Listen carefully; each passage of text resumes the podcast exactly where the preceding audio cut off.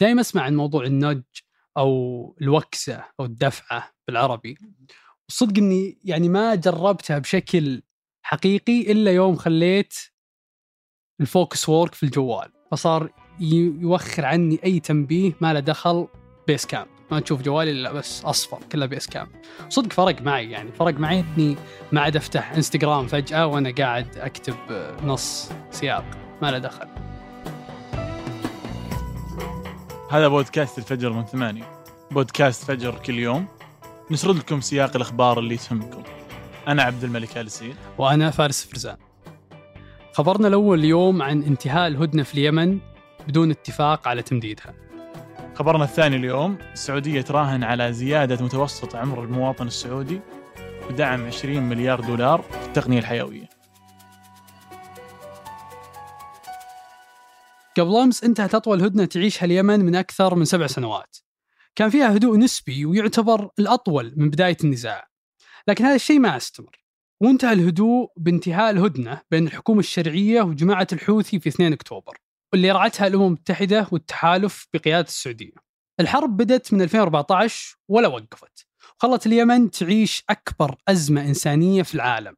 لكن في 2 أبريل 2022 اتفقت الأطراف على هدنة استمرت لمدة ست شهور. تجددت مرتين في شهر يونيو وأغسطس بنفس السنة. بس هذا الشيء يختلف اليوم بسبة عدم اتفاق أي من الأطراف لين الحين. الأمم المتحدة والمجتمع الدولي يسعون أنهم يمددون الهدنة لستة شهور إضافية عشان يخففون الأزمة لكن جماعة الحوثي رفضت مقترحات الأمم المتحدة الأخيرة. نحتاج أن نفهم كيف أثرت الهدنة على الوضع في اليمن. فكانت من أهم نتائجها هو تسجيل أقل عدد ضحايا من المدنيين من بداية الحرب وحققت تراجع كبير يعني في معدلات النزوح الداخلي في اليمن إضافة لرجوع الكثير من الطلاب للمدارس وتعافي سعر الريال اليمني بشكل ملحوظ في مناطق الشرعية. بالرغم من أن الحكومة اليمنية والجماعات المتمردة تبادلوا اتهامات بخرق وقف النار ما طبقوا الاتفاق بشكل كامل لأن الهدنة خفضت من مستويات العنف بشكل كبير. لكن وش أهم تفاصيلها وبنودها؟ كان الهدف من هذه الهدنة هو توفير بيئة جيدة تساعد في التوصل لتسوية سلمية للنزاع في اليمن. وأهم ما شملته هو وقف جميع العمليات العسكرية الهجومية جوا اليمن وخارجه. الهدنة من ناحية النتائج جاها ترحيب أممي وأمريكي فالرئيس الأمريكي جو بايدن أكد أهميتها في إنقاذ آلاف أرواح اليمنيين. وخلال زيارته للسعودية في يوليو اللي راح كان الملف اليمني ضمن المحادثات الرئيسة مع الملك ولي الأمير محمد سلمان.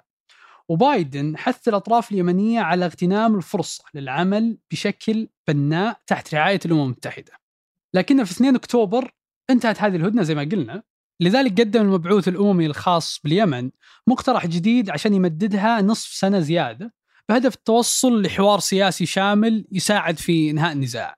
لذلك مع قرب انتهاء الهدنة اقترحت الأمم المتحدة هدنة جديدة تتكون من عدة عناصر ومنها دفع رواتب معاشات موظفي الخدمة المدنية وفتح طرق محددة في تعز محافظات ثانية وتسيير وجهات إضافية للرحلات التجارية من وإلى مطار صنعاء وكذلك خفض التصعيد العسكري والإفراج عن المحتجزين. لكن بحسب الحكومة الشرعية هذا المقترح رفض من جماعة الحوثي رغم أن الحكومة قدمت تنازلات كثيرة لتمديدها عشان تدعم الوصول لتوافق ودعم مبادرة الحوار السياسي الشامل.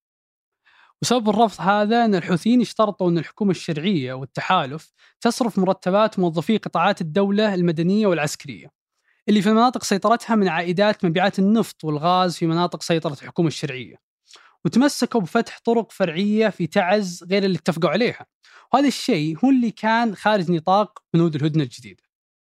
واليوم مع انتهاء الهدنة كملت الحرب في اليمن أكثر من سبع سنوات.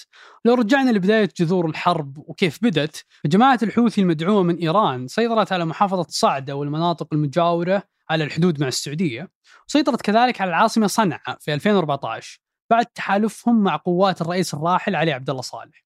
كانت هذه نقطة تحول في النزاع اليمني. إلى جانب طبعا تدخل إيران في الحرب اليمنية ودعم جماعة الحوثي مثل تمويلها بأسلحة وأموال ومقاتلين والاعتراف بالجماعة كطرف سياسي وحليف. وإيران هي الدولة الوحيدة المعترفة بميليشيا الحوثي. هذا الحدث دفع الرئيس هادي بأنه يطلب تدخل دول الخليج لدعم الحكومة الشرعية في اليمن. ولذلك في مارس 2015 انطلقت عاصفة الحزم بقيادة السعودية وكونت تحالف لدعم الشرعية بمشاركة عشر دول. كان عندها هدفين. ردع ميليشيات الحوثي المدعومة من إيران ودعم الحكومة الشرعية في اليمن وعودتها لممارسة مهامها من العاصمة اليمنية صنعاء. السعودية أعلنت في أبريل 2015 أن عملية عاصفة الحزم حققت أهدافها وأعلنت عن انتهاء العملية وبدء عملية إعادة الأمل. لا تزال السعودية جزء رئيسي من محادثات الهدنة والحل السياسي في اليمن خصوصا أنها تلعب دور رئيس في الحكومة الشرعية وأيضا مشروع إعادة البناء في المدن اللي تسيطر عليها الحكومة الشرعية. لأن الحرب ما اقتصرت داخل اليمن. السعودية تقود أيضا عمليات عسكرية ضد هجمات حوثية تستهدف منشآت مدنية واقتصادية وأمنية داخل السعودية والإمارات. وآخرها كان استهداف منشآت تابعة لأرامكو. هذه الحرب ما كانت سهلة أبدا على الشعب اليمني. فبعد أكثر من سبع سنوات من الحرب أشارت إحصائيات الأمم المتحدة أن 60% من غالبية الوفيات في اليمن سببها نقص المياه الصالحة للشرب وانتشار الجوع والأمراض.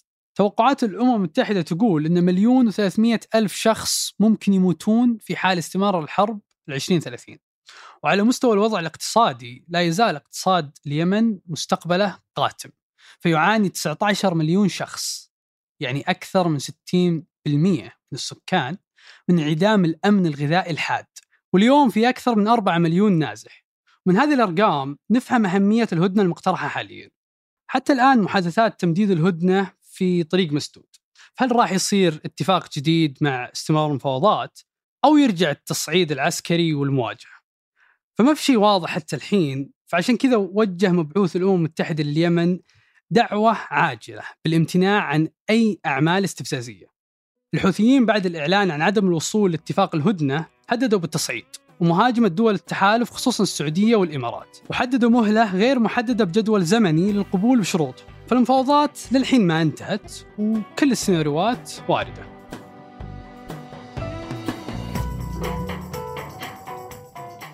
لو أنت من مواليد ما قبل 93 ميلادي تلاحظ كثير أشياء تغيرت في البلد ما كانت موجودة. المقاهي مثلا أول كانت تسمح بالتدخين كنت تضطر تروح مكان محافظ مرة بس عشان تنحاش من الدخان. الحين هذا الشيء ممنوع.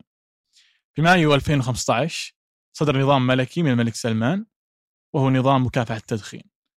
النظام هذا لو تقراه قاعد يحد من التدخين بشكل كبير جدا. فأحد فقراته ذكروا أن في حال وجود مواقع للمدخنين يجب على الشخص المسؤول عنها مراعاة.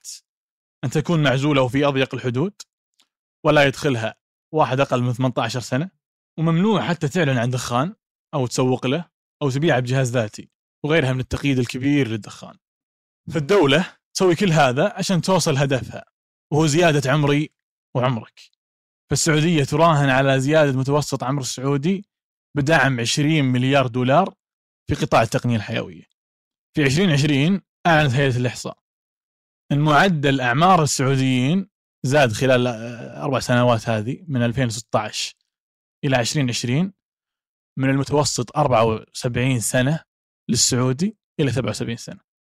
الزيادة هذه سببها انخفاض تدخين التبغ بسبب التغليف البسيط زيادة الضرائب وحظر الإعلان عنه حسب ما نشرته وزارة الصحة مؤخرا. فالطموح اللي تبي توصل للسعودية هو زيادة المعدل هذا إلى 80 سنة في 2030 أوكي. بس عشان تعرف تاريخنا في هالنقطة عام 1960 ميلادي كان معدل أعمار السعوديين حدود ال 45 سنة. 2020 متوسط أعمار السعوديين وصل 77 سنة. الزيادة هذه منطقية بسبب زيادة الضخ في التعليم والصحة والأدوية خصوصا بعد زيادة إيرادات الدولة وإعادة إنفاقها في المشاريع الصحية والتعليمية. لذلك غالب الدول الغنية معدل حياة مواطنينها مرتفع أكثر من الدول الفقيرة. اليوم صار في مساحة أكبر للتطوير والبحث صارت الدول تضخ مليارات أكثر في التقنية الحيوية. طيب وش التقنية الحيوية؟ هي ببساطة استخدام التقنية في المجالات الحيوية. تقنية زائد أحياء.